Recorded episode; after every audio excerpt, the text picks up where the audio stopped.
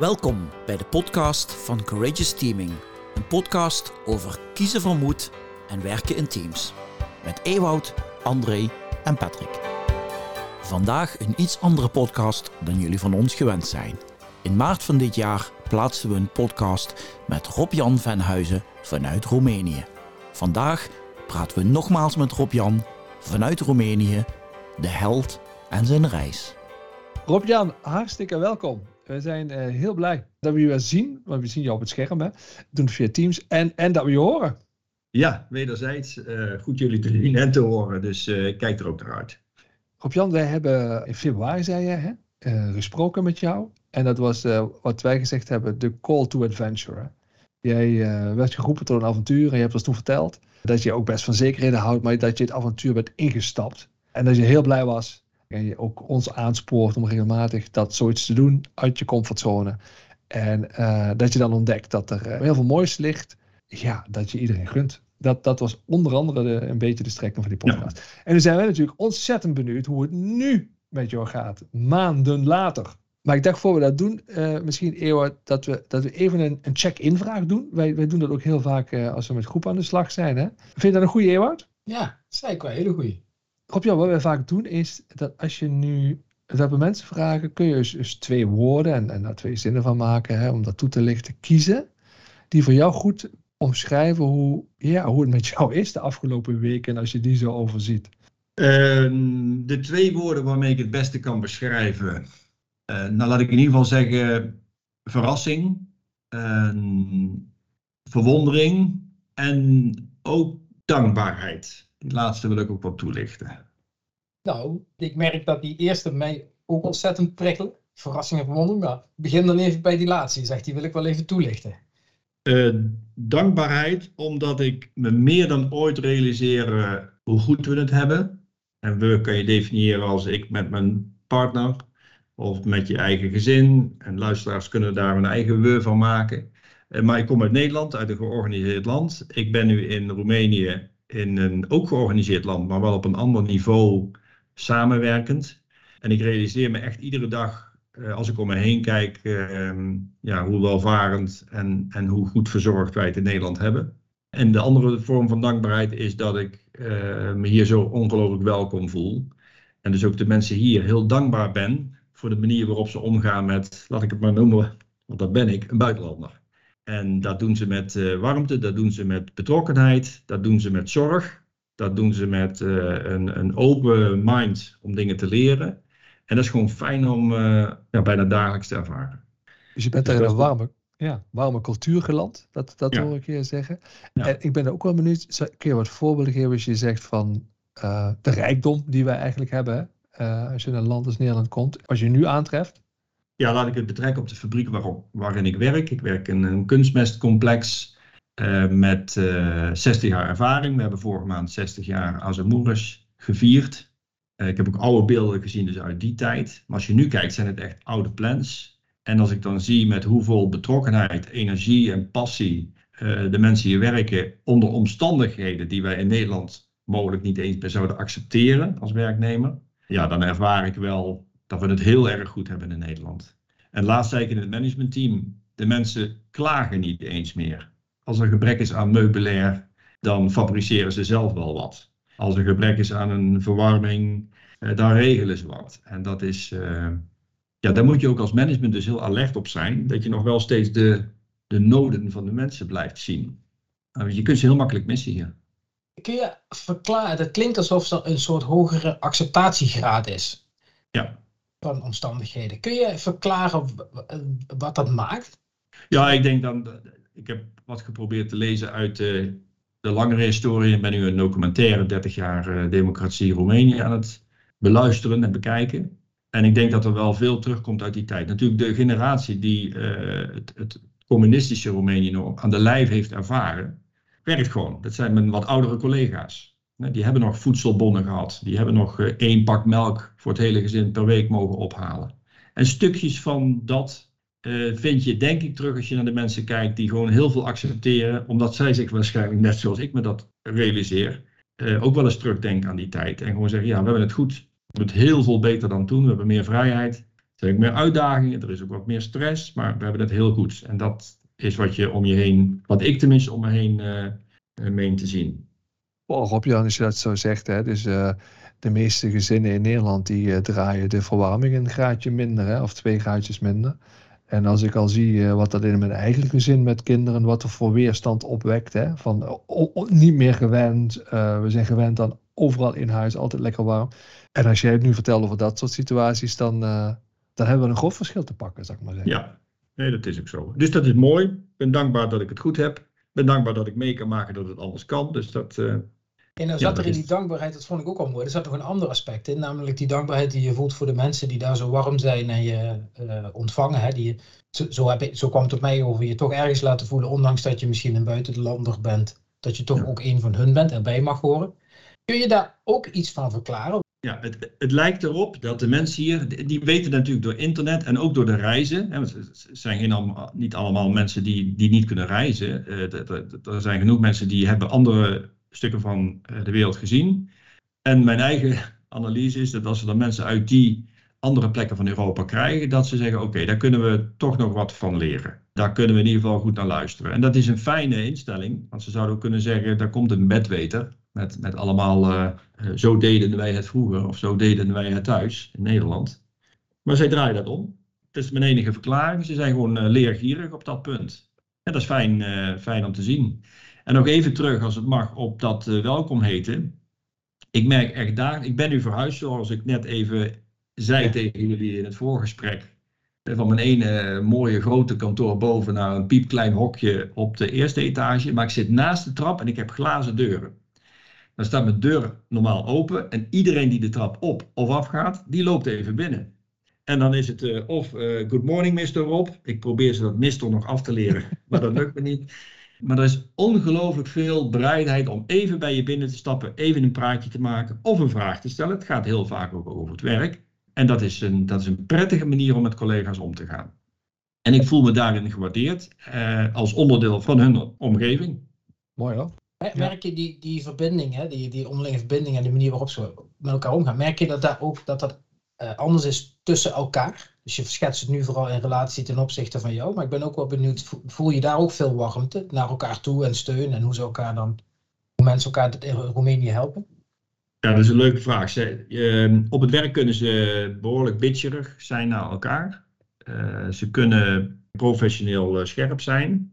Maar ik heb ze nu een aantal keren meegemaakt in een uh, zeg maar feestomgeving of iets om te vieren. Een diner, een grote bijeenkomst, het afsluiten van een project. En dan komt die andere aard terug. Dan zijn het echt vrienden. En dat komt ook omdat heel veel mensen al jarenlang bij Azemoerens werken. Dus die, die gebruiken ook het woord familie. hebben in de COVID-tijd ook het samenkomen echt gemist. En dat komt er nu uit als ze dan weer eens mogen samenkomen op zo'n bijeenkomst dan zie je die warmte ook onderling. Ook dat is dan wel interessant, Rob Jan, want wij komen ook vaak tegen. Je beschrijft een familiaire cultuur. Ja. En tegelijkertijd daar scherp in zijn als we met elkaar aan het werk zijn. En, en wij ontdekken vaak bij organisaties dat ze dat uit elkaar halen, vaak als tegenstrijdig ervaren, of dat hun dat niet lukt. Klopt. En scherp naar elkaar kan op twee manieren. Scherp naar elkaar over de verwachtingen die je hebt van de ander. Daar zijn ze misschien wat minder uh, goed in. Scherp in de wat minder positieve manier en die zie ik dan wel, is dat ze hier wel afgebakende werkterreinen hebben. Dus op het moment dat ze zeggen, hey, dit is van jou en niet van mij, dan zoeken ze echt die grens wel op. Uh, meer dan ik zelf graag doe. En dat lijkt wat tegenstrijdig, uh, maar het is gewoon wat ik waarneem om me heen. Ik wil sowieso springen naar uh, ervaringen en avonturen. Dus jij bent vertrokken. Dus we zijn ontzettend nieuwsgierig naar wat maak jij daar voor bijzonderheden mee in Ik ben vertrokken wat voor anekdotes heb je? Waar je zegt, ja, mooie dingen, maar misschien ook wel een tegenslag hier en daar. Ja, zeker tegenslag. Um, ten eerste, de energiecrisis raakt ons hard. Dat betekent dat we uh, met onze fabrieken niet doen wat we behoren te doen, namelijk produceren. En dat betekent dat iedereen, want we hebben wel de mensen aan het werk uh, gehouden, proberen te houden, uh, dat iedereen buiten zijn eigen routine zit. Dus Rob Jan, even voor de luisteraar. Hè? Jullie staan stil met je fabrieken. Want de prijs van de grondstoffen, dus gas in dit geval denk ik, hè, zijn te hoog om te kunnen produceren. Dus het hele terrein ligt plat.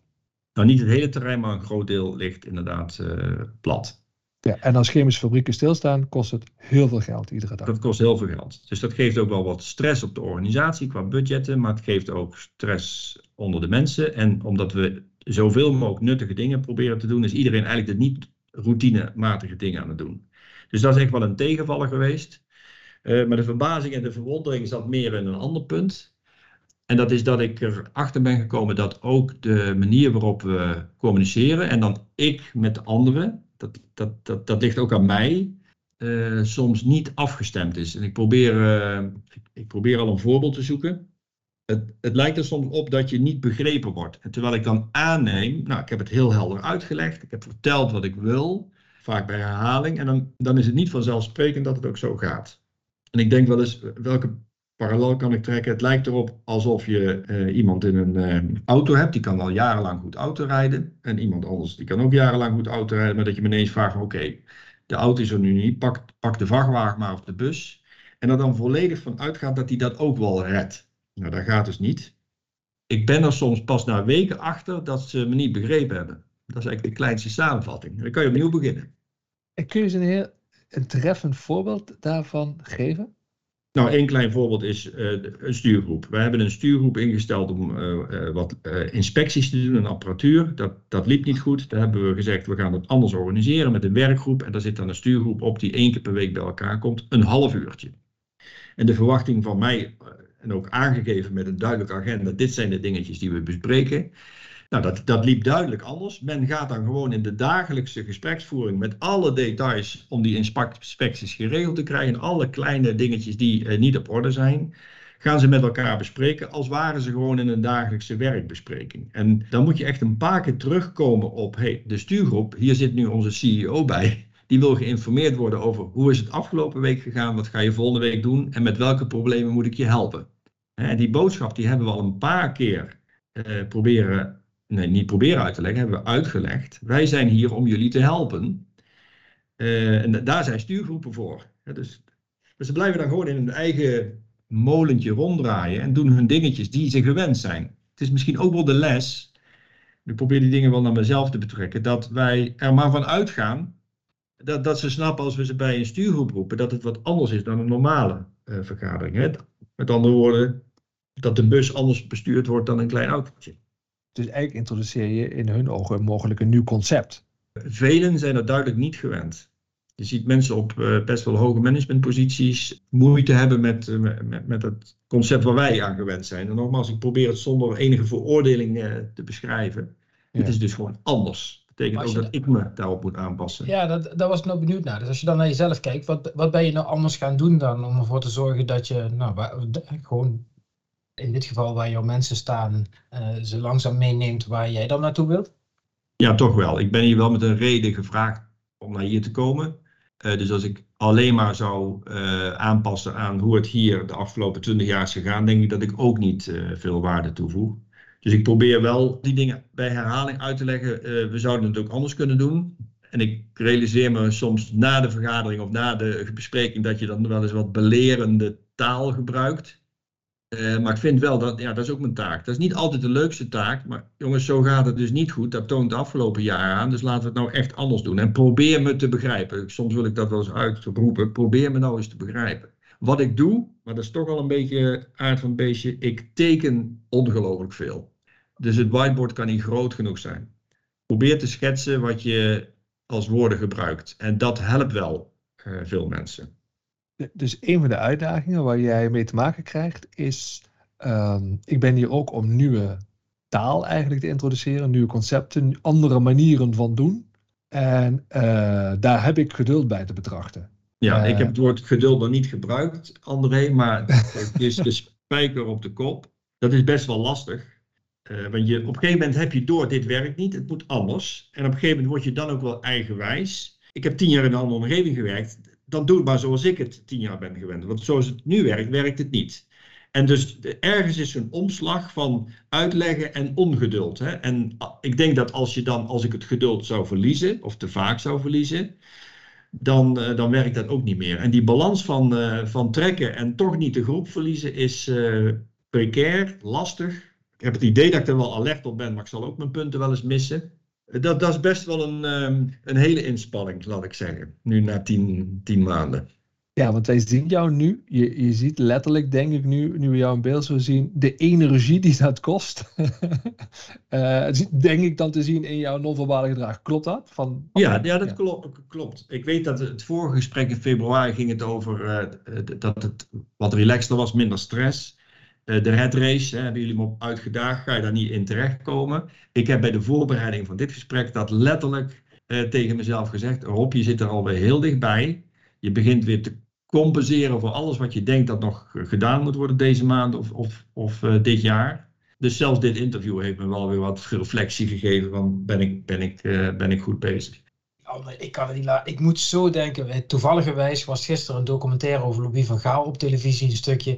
En een van de anekdotes die hij daarom schrijft bij Barcelona is dat zijn grootste fout is dat hij daar geluisterd heeft naar wat een speler en het team daar zeiden dat ze graag zouden willen. Waarvan hij in zijn hele lijf voelde, dat moeten we echt niet doen. Maar ja, je zit in zo'n dilemma van ga ik nou mee of niet? En hij besloot daar mee te gaan en hij beschouwde dat nog steeds als zijn grootste fout zeg maar, in, in coaching. Ik ben wel benieuwd, hoe bewaak je in jouw rol zeg maar, die ondergrenzen? Dus hoe bewaak je dat, dat er in ieder geval niks gaat gebeuren waar je van zegt, ja maar wacht even, dat moet echt. Dat is toch wel het minimale wat we te doen hebben.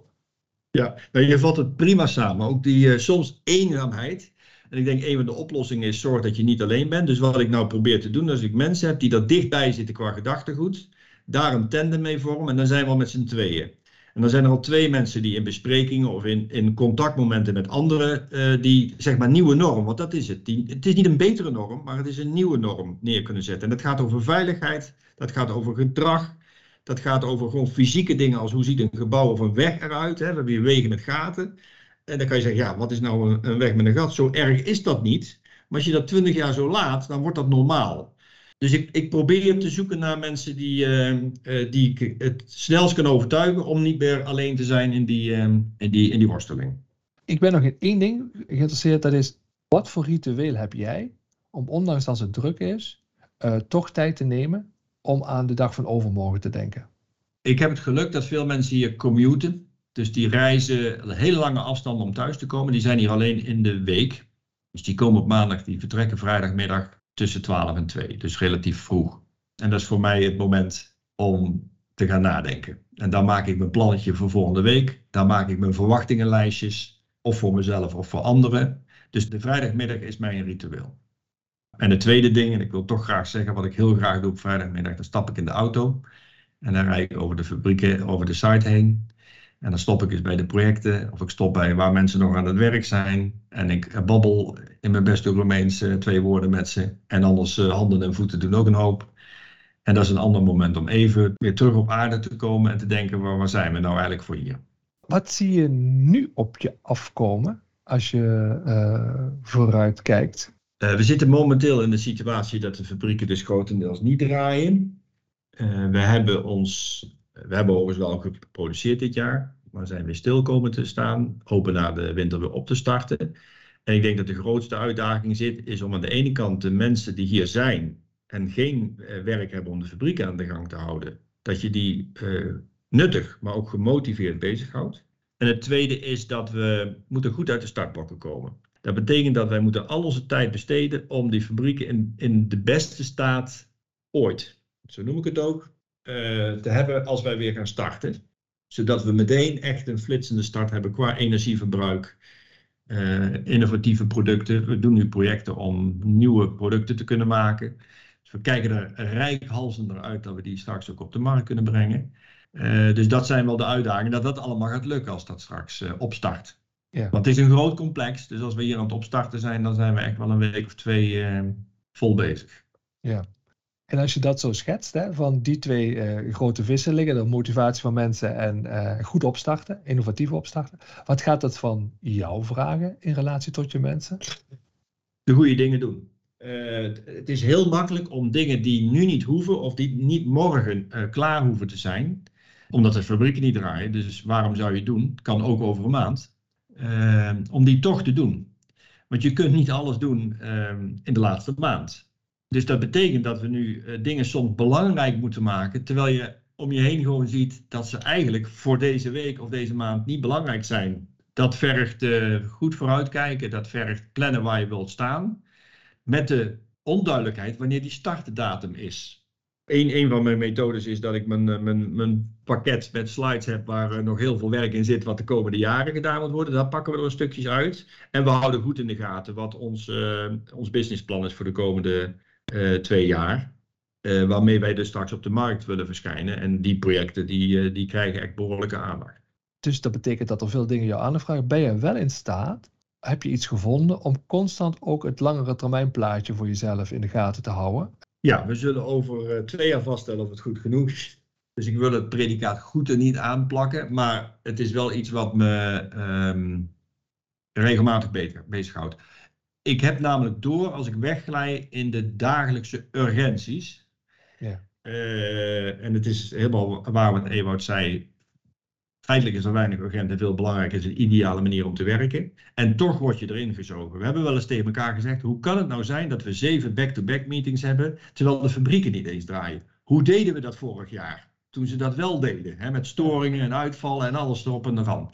En nu lijkt het, en ik ben niet de enige, het lijkt dat we het drukker hebben. Mijn verklaring is dat we niet in onze routine werken. Monika, super interessant. Dat zou zo kunnen zijn. Ik, ik zou me ook eens uitdagen op de vraag uh, kijk, als er ruimtes vallen, worden, vullen we ruimtes in. Zijn we nog ook heel scherp en kritisch op wat is nu echt dan noodzakelijk? Ja, en daarin uh, geven we elkaar geen complimenten hier. Want we stellen alleen maar vast dat we het blijkbaar drukker hebben gemaakt dan toen de fabrieken wel draaiden. Dus dat is, dat is wel iets waar we nog uh, geen oplossing voor hebben. Daar moeten we, moeten we goed over nadenken. Misschien wel met een palinka, de lokale drankje die alles oplost. Jouw avonturenreis, brengt jou dat je nog scherper hebt wat je purpose is daar. Ik heb je vooral toe te voegen wat er nog niet is. En daar moet ik naartoe blijven bewegen, want dan doe ik de goede dingen, zodat er hier echt geborgd iets achterblijft als ik hier ooit vertrek. En wij zijn benieuwd als we je over een uh, x aantal maandjes weer eens even een bericht sturen en je zal bereid zijn om, van waar je dan zit in, uh, in your journey. En wat je dan wel weer uh, meegemaakt hebt en geleerd. Dankjewel. Graag gedaan en mooi samengevat.